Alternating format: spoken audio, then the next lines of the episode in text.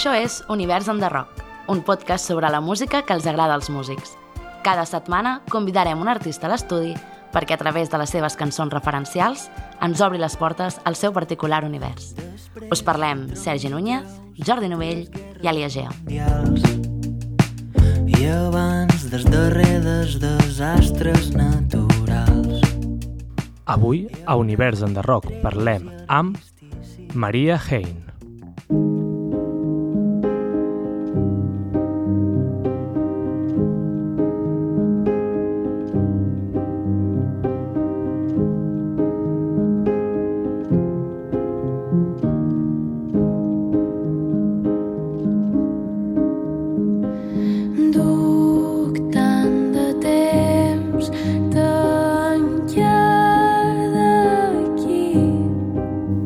Maria. Com estàs? Hola, com esteu? Molt bé, vosaltres? Nosaltres molt bé, encantats de tenir-te aquí. Jo també molt contenta de ser aquí. Bé, Maria, vas començar a publicar les teves primeres cançons el 2020. Quina motivació vas tenir per fer música? Mm, pues, bueno, la primera, com a, la primera cosa que me va donar com a força va ser que abans de treure aquestes cançons jo havia tingut un grup de versions amb amigues meves, amb quatre, cinc amigues meves, eren sis, i, i bueno, pues havíem fet molt de bolos, no? i la gent li agradava molt, i, i bueno, va arribar un moment que varen deixar aquest grup, diguéssim, i, i abans de deixar aquest grup doncs jo vaig com a començar a fer meves cançons perquè pensava, bueno, a lo millor podríem fer cançons pròpies i tal i... però en el final me'n vaig donar compte que volia com a fer alguna meu també, no? I ho varen provar en el grup, jo els enviava maquetes i tal, però en el final doncs, vaig dir, doncs ho trauré jo i, i vaig treure aquestes, aquestes primeres cançons i a part d'això també um, la figura de la Núria Grella, no sé si ho he dit qualque vegada, però és una persona que me va influenciar moltíssim a, en, a, com a crear un projecte meu en solitari, no? perquè en el final la Núria va començar amb aquesta edat, en 16 anys, i, i jo en aquell moment tenia 16 anys i, i vaig, dir, vaig pensar, si ho ha fet ella, perquè jo no puc. I puc preguntar quines versions fèieu? Era tipus banda tribut sí. o era... No, érem, érem molt, molt joves, o sigui, teníem 14, 15, 16 anys, o sigui, érem super joves i fèiem, pues, és que ara no sé, fèiem o cançons tradicionals mallorquines, però les adaptàvem com a més pop. Um, també en vàrem fer una de Maria Jaume, record. Um, no sé, també cançons en català, sobretot. Mm -hmm. Sí que hi havia qualque cosa de Green Day o... Que bo. Sí, lo típic pop, popero, així, pues fèiem això. I després vas treure el, el teu primer disc, que és Continent i Contingut, que estem escoltant la cançó que li dóna nom. I mm, et volia preguntar si és un concepte que creus que defineix la teva música. Busques que el continent i el contingut de la cançó tinguin una connexió especial? Sí, bueno, aquest disc, o sigui, si era aquesta, no?, d'aquest disc. També, era- en el final, és el, és el meu primer disc i, i tampoc no tenia molt clar què volia fer. I jo va- anava fent cançons fins que un dia me'n vaig adonar compte que, que tenia com aquest sentit, no? I, i, ho, visu, i ho visualitzava moltíssim amb, amb un tassó i amb, i amb pues, aquest contingut, no? que podria ser aigua, que com que se va omplint a poc a poc i després arriba un moment que està a punt de vessar i vessa i, i n'hi ha per tot. I era com una manera de visualitzar el disc um, amb una imatge. Però no tens per què tinguin que veure. Pot ser que sigui un pupurri de coses mm. que, que segurament qualque disc meu serà així perquè en el final jo tampoc no, no som tan, tan clara, diguéssim, o sigui, no, no ho tinc tot tan ordenat com pot ser aquest disc que estigui, no? No sé, no sé si m'he explicat, però... Mm, I per altra banda, també moltes d'aquestes cançons eh, parlen sobre vivències no? i experiències mm. personals, però potser des d'una forma una miqueta també força interpretable i que cadascú se la pugui fer pròpia. Sí, això era una idea que tenia de que, o sigui, que, que, que tothom pogués estar identificat amb, que se pogués sentir identificat en les lletres i que no, no fos algo molt explícit, no? que, que no, se, no se notés molt de lo que xerrava, però a la vegada sí, no? I mm, tampoc no ho feia, o sigui, no ho feia aposta, se- també me sortia moltes vegades pues, fer les cançons així perquè no, perquè no fos tan directe. I aquest disc el vas treure amb, amb Hidden Track Records, que et van, et van fitxar just quan això, no? Tenies només dues cançons publicades i el vas produir, bueno, el va produir en Ferran Palau. Com va ser aquesta experiència? Bueno, pues va ser increïble. Uh, és una cosa que, mm, que agraeixo moltíssim a Hiden i a, i a en Ferran i ho agrairé sempre perquè és una oportunitat que m'han donar un moment que, que a més tenia dues cançons no? i que varen confiar moltíssim en jo per que varen confiar molt perquè no sabien realment cap a on aniria això, ni, ni si seguiria fent-ho o no. Clarament se varen assegurar de que jo me, vol, me volgués dedicant a això, però, um, però això no sé, estic super agraïda i va ser una experiència única. Eh, vaig aprendre moltes coses amb en Ferran, moltíssimes, i ho tornaria a repetir mil vegades anar a gravar aquell disc. Bé, per conèixer més el teu univers, eh, Maria, t'hem demanat que ens portessis les teves cinc cançons referencials. Et sembla si les sentim? Vinga, va.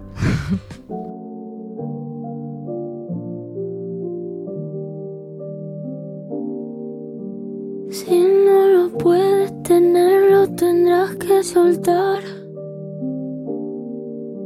No estoy a tu lado, pero te deseo paz y libertad. Mm, mm. No reces por mí, quiero que sepas que estoy bien. Yo tengo mi fe, mis armas, mi cora, que no sepa quién. No duermo nada y voy como si estuviera blindada. Doncs comencem amb Rosalia i Como un G, una de les cançons que formen part del seu darrer disc Motomami, un tema on la veu de Rosalia llueix plena de matisos, linkant d'alguna manera amb la seva formació flamenca. És curiós perquè és una cançó d'amor però està feta des d'un lloc molt poc habitual, no? Com des, una mica des d'aquest desamor però alhora amb la, amb la idea aquesta bonica, no? Sí. Que, que està sonant ara, solo el amor con amor se paga, no? Bueno, és que aquesta cançó m'emociona molt cada vegada que l'escolto. Sí, és una cançó que, que crec que l'escoltaré demà o d'aquí cinc anys i, i sempre me, aquesta lletra me, me, me transmetrà, no sé, m'emociona molt i és que m'estic despistant perquè l'estic escoltant. Però no sé, me pareix una cançó molt guapa tant a nivell um, de lletra com a nivell de producció. Aquesta idea de veu com a primer element i fundamental i no sé, la producció aquesta super minimalista que, que té aquest disc i aquest teclat, no sé, tot el que té aquesta cançó m'encanta i en Rosalia clarament és el que més m'agrada de tot d'aquesta cançó i podria haver posat qualsevol cançó seva perquè és una referència 100% per Joana Rosalia però crec que aquesta és una de les que més m'agrada en diferència de totes les que ha tret Clar, ara parlaves de la sonoritat i té la gràcia aquesta, no?, de que podries ter... Si la despulles una mica de producció, podria ser un pop d'autor mm. més o menys típic, no?, però l'actualitza saco. Sí, perquè té elements um, molt actuals, no?, que no són tan orgànics, diguéssim, i que li dona aquest so actual, però tu li poses una guitarra i amb aquesta lletra apareix una cançó del segle... no ho sé, tio. bueno, com un gino, però no ho sé, no sé si m'explic, que, que m'agrada molt tot, la producció, la lletra, tot. Òbviament és una de les balades del disc i estan combinades amb, amb, amb temes superfestius. T'inspira una mica tu també aquest contrast? Podem Sí. veure en un disc futur de la Maria Hein aquest Total, contrast? totalment. De fet, um, aquesta, aquesta cançó l'he posada com a referència del meu segon disc, que, que està, s'està fent. I, I aquest disc que té ara, de No Rosalia Motomami, m'apareix molt bon disc, té cançons molt bones i, i me serveixen completament de, de referència pel meu segon disc. I com fa la Rosalia, marxem cap als Estats Units. For real, for real this time.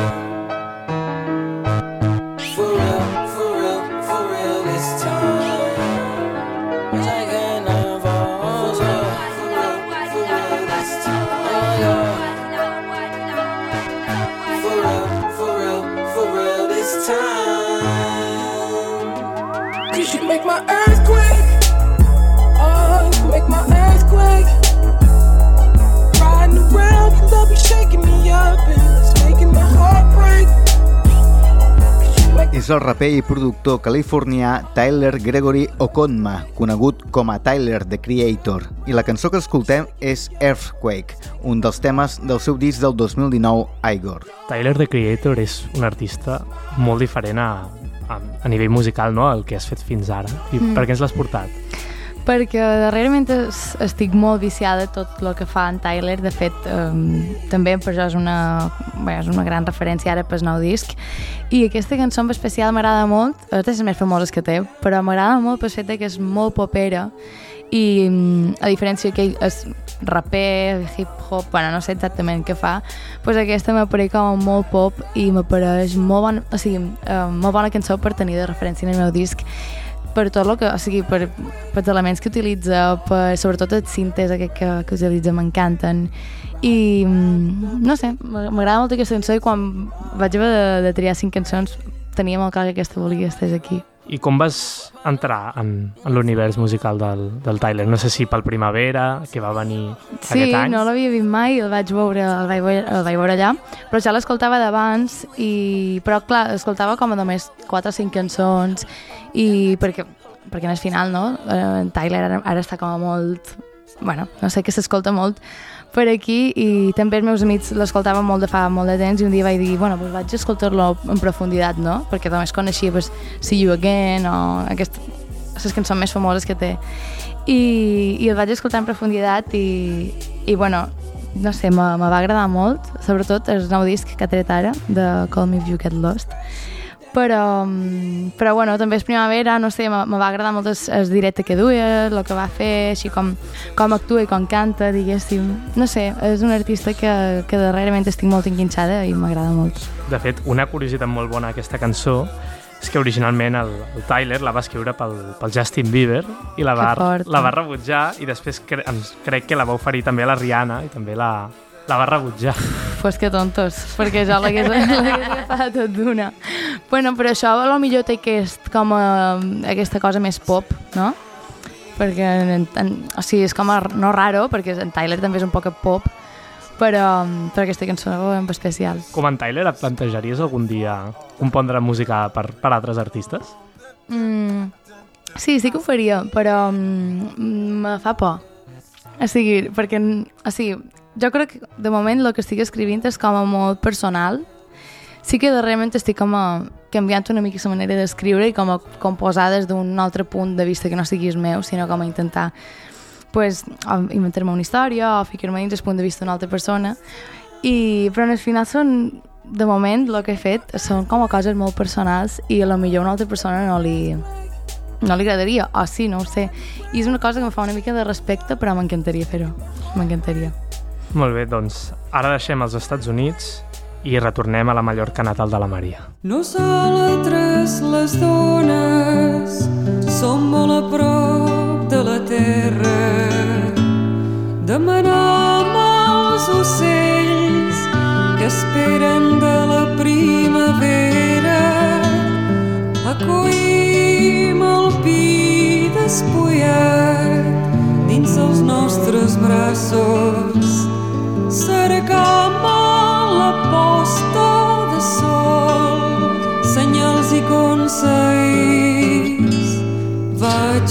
estimar... Escoltem Maria del Mar Bonet i Nosaltres, les dones, una adaptació al català d'un poema en suec d'Edith Sodergran, musicat per la pròpia Maria del Mar i Lautaro Roses, que la cantant palmesana va incloure al seu disc de 1977 a l'Anar.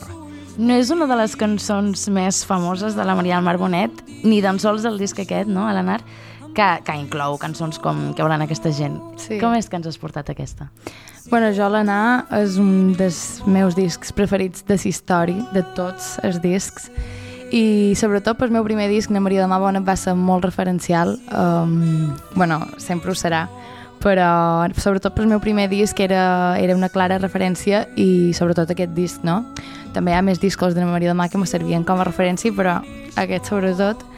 I és una cançó que, bueno, m'agraden totes d'aquest disc i podria triar qualsevol, però aquesta en especial me, no sé, m'agrada molt la lletra de lo que xerra, no? de no- nosaltres les, dones, no? nosaltres les dones i aquesta frase que diu ara que diu, volies una dona i trobares una persona, no sé és, és una lletra que, que m'agrada molt i que me transmet, no sé, molta, molt, molt de poda, no? Passa, passa, passa any en que aquesta cançó va 77, sortir sí, sí. i, mm, i no sé, és com una cançó pues, pensant en, en les referències que vaig tenir pel meu primer disc, sobretot.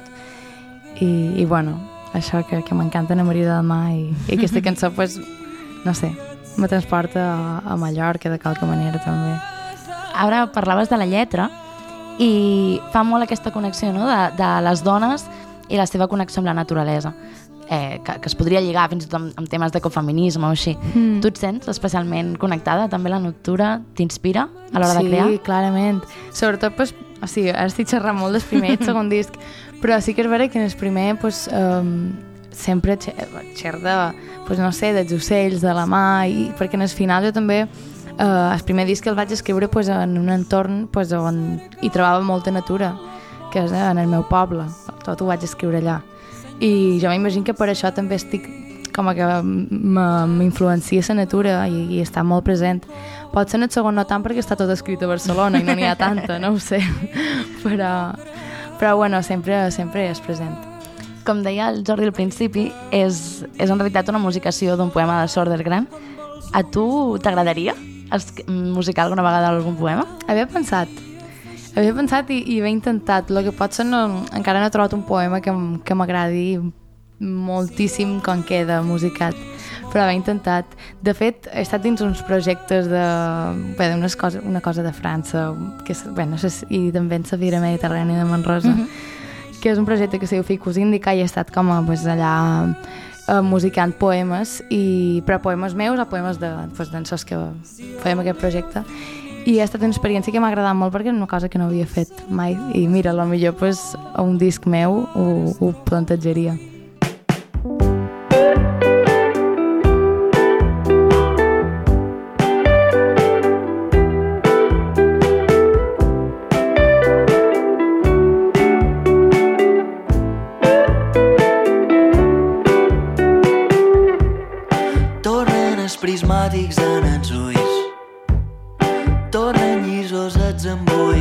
Escoltem de Sousa amb una de les cançons del seu anterior disc, Salsa Agradolça, com a coixí sonor perquè ens puguis explicar la velocitat de creuer en què circula l'escena musical balear. Com és que hi ha tanta creativitat els darrers anys? Bueno, realment no ho sé, jo crec que perquè... Um, um, o sigui, això és la meva teoria, però jo crec que Antònia Font ha creat com una espècie d'escola mallorquina nova. El Manco a mi han estat es, una gran influència per jo a l'hora d'escriure les meves primeres cançons i, i crec que és el grup preferit de les illes, de tots els que ara mateix estem fent música de, de, de les illes, aquestes noves veus no? que, que estan sortint. Jo crec que això és un dels factors, també perquè a lo millor abans era més complicat que arribés aquí a, a Catalunya i ara pot ser més fàcil, però jo crec que Antònia Font és un gran factor d'això. No sé si també aquesta idea de, de xarxa, d'escena, també us retroalimenta una mica entre tots, no? A, a veure més referents i tenir, tenir més idees, no? I aprendre més idees, col·laboracions... Total. Sí, de fet, bueno, uh, com que jo ara xerraré del meu punt de vista de, de que estic visquent aquí a Barcelona, perquè clar, hi ha molta gent de, del panorama que està visquent a Mallorca i n'hi ha que no, que no, que està visquent aquí com jo. I, i és, a mi m'encanta perquè poden fer molta xarxa, de fet, uh, jo m'encanta trobar-me pues, a, no sé, en sorts de la Sosa mateix, o sigui, m'encanta i compartir coses, o amb gent d'aquí també, no? Com en la Julieta, per exemple, en Nariot, o en, en tota aquesta gent que, que ara estem com a fent, mm, no sé com dir-ho, música en català nova, per dir-ho de manera. No sé, m'agrada molt poder crear xarxa, tant en sos de les illes com en sos d'aquí, i crec que és una cosa molt important. A més, tu has col·laborat també en, en diferents discos, com el de Planete o el de Salvatge Cor, Mm. i et volia preguntar si també és bastant positiva o creus que és bastant positiva la diversitat estilística, no? Perquè, és a dir, Sí. parles de que Antònia Font és un referent, però després hi ha molts estils que transcendeixen l'estil Clar. d'Antònia Font. Total. De fet, bueno, segons les meves col·laboracions, o sigui, al final són super diferents. Um, I i m'agrada molt això, no? També com a poder experimentar i, i no quedar-me i estancar-me sempre amb el mateix estil. Igual que Antoni Font. Antoni Font sempre ha fet pop, però els seus discs, com a... Tu escoltes un disc i escoltes un altre i sona completament diferent perquè no, no tenen res que veure. I a simple vista és pop, però jo crec que no... No sé, no és el mateix. Molt bé, doncs, ara ens apropem a l'Empordà amb un altre artista referencial. Apa, jo vull ser torero. Papa, Jo vull matar toros, papa, jo vull saltar els ruedos. Ai, ai, ai, papa, jo vull ser torero. I el pareix desesperava ell, que era tan honorable, potestat de la sardana, de les lleis. És Sílvia Pérez Cruz, acompanyada de les cordes de Raúl Fernández Refri, cantant junts el disc de 2014 Granada. La cançó es titula Albert, un curiós medley amb les cançons que obren Ho sento molt, el primer i icònic disc del cantautor Albert Pla. Papà, jo vull ser torero, La platja i la sequia. És una elecció bastant curiosa. Ens l'has portada perquè ets fan del duet aquest de Sílvia i Refri o perquè ets fan de l'Albert? Per ses, tre- sí, per les dues coses, per tres artistes. Sí, John Refri m'encanta, eh, tots els discs que ha produït me- m'encanten, tant els de na Rosalia, na Sílvia clarament me- flipa, és una gran referència també del meu primer disc i de per vida, per jo. Uh, M'ha influenciat moltíssim a l'hora de cantar, a l'hora de, de tot, no sé, és, és una gran referència per jo. I Albert Pla també és un artista que m'encanta, m'apareix impressionant el que fa, també, i som superfan. I aquesta cançó, no sé, és de les més preferides que té Sílvia, i, i mi- també m'agrada molt, jo m'imagi- m'imagino que per aquest joc, no?, d'aquestes cançons de, de Albert Pla. No sé, m'agrada molt aquesta cançó i també com que es consta de na Rosalia, no?, que la lletra i, i, i l'intenció que està cantada també com que me, me transmet molta, no sé, molta emoció, no sé com explicar-ho. I a més té, té aquest punt no? minimalista de només de guitarra i veu. exacte. És, és, és per això que t'ha inspirat, pot- potser més en el teu primer disc? Sí, sí, sí, totalment. De fet, na Sílvia també va ser una referència molt gran pel meu primer disc. I tu t'atreviries a fer algun medley? M'agradaria. D'aquí? Ai, no ho sé, de molta gent. No ho sé. Na Rita Pallés m'agrada molt, per exemple. Sí, sí, sí. Pintura amb una de na Rita, amb una de n'Albert, o, exacte. O de, o sí. de tots. Sí, o de tots. No ho sé, però m'agradaria. doncs seguim amb la darrera cançó que ens has portat. Don't ask questions you don't wanna know. Learn my lesson way too long ago. To be talking to you, Should've taken a break, not an Oxford comma. Take what I want when I wanna, and I want you. Bad, bad news. One of us is gonna lose. I'm the powder, you're the fuse. Just add some friction. You are my strange addiction. You are my strange addiction. My doctors can't explain symptoms or my pain, but you. És My Strange Addiction, un dels temes del disc de debut de Billie Eilish publicat l'any 2019, When We All Fall Asleep, Where Do We Go? Una cançó que va escriure el seu germà, Fiennes O'Connell, que a més a més també va produir-la. Ens tornes a portar un altre gran artista internacional, no? Mm. Ets fan de la Billy des del principi, que ha començat? Sí, sí, sí, total. De quan va treure Ocean Eyes, de, de la primera. I, i m'encanta com tot el que ha fet, no? que en el final segueix un poc la mateixa línia, però When We All Fall Asleep, per exemple, és un disc molt oscur i és una cosa que, no sé, és un disc, per jo diria que és el millor que ha tret, tant de el primer EP que va treure com el que va treure ara fa poc.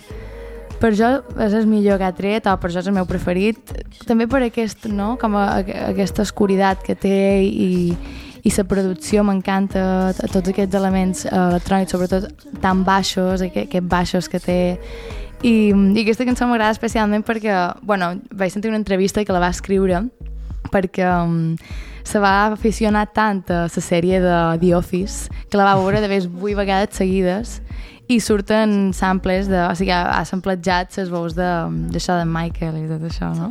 I me fa molta gràcia, però jo també... Bueno, no estic tan enguinxada, clarament, a, a The Office, però um, quan la vaig escoltar per primera vegada no ho sabia i quan vaig començar a veure The Office més endavant me'n vaig adonar que, um, que, que, pues, que tenia que veure amb aquesta, amb aquesta sèrie i no sé, és una cançó que m'agrada molt mm, per la gràcia no, que té d'això, d'aquesta sèrie, per, per samples que, que utilitza per la producció i, i bueno, també perquè m'encanta en Billy i es pot posar qualsevol cançó seva i, i sobretot d'aquest disc. I també abans parlaves d'això, no? de l'addicció de la Billy a, a The Office.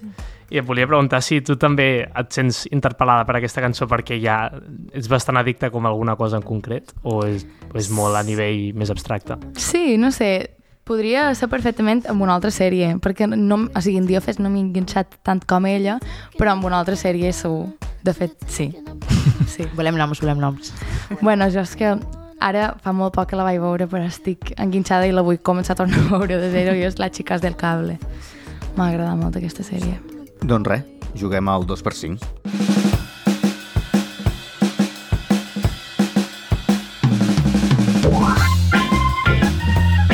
Mira, Maria, t'hem preparat un bol amb 90 boles que van de l'1 al 90 i ara et demanarem que n'agafis dues Ai. i cadascuna d'elles correspon a un artista. Després et donarem Vale. 5 situacions i hauràs d'escollir quin dels dos artistes preferiries a cada situació. Endavant. Vale. Vaig jo? Vinga, remena, remena. Val, 45. Andrea Motis, Vale.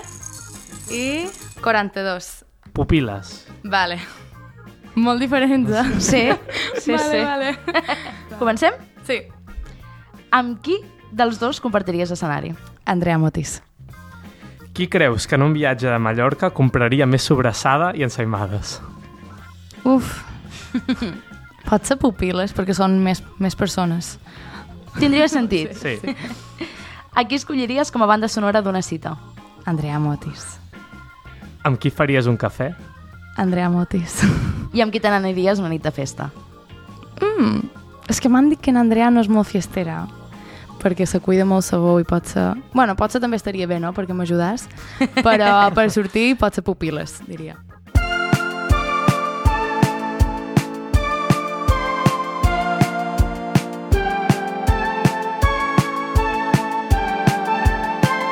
Bé, moltes gràcies, Maria, per haver vingut. A vosaltres per convidar-me. I fins aquí l'univers en rock de Maria Hein. Ens podeu trobar cada setmana descobrint l'univers d'un nou músic a Spotify, Evox, Google i Apple. Busca'ns, escolta'ns i subscriu-te per no perdre'n cap. A reveure. i tres guerres mundials i abans dels darrers desastres naturals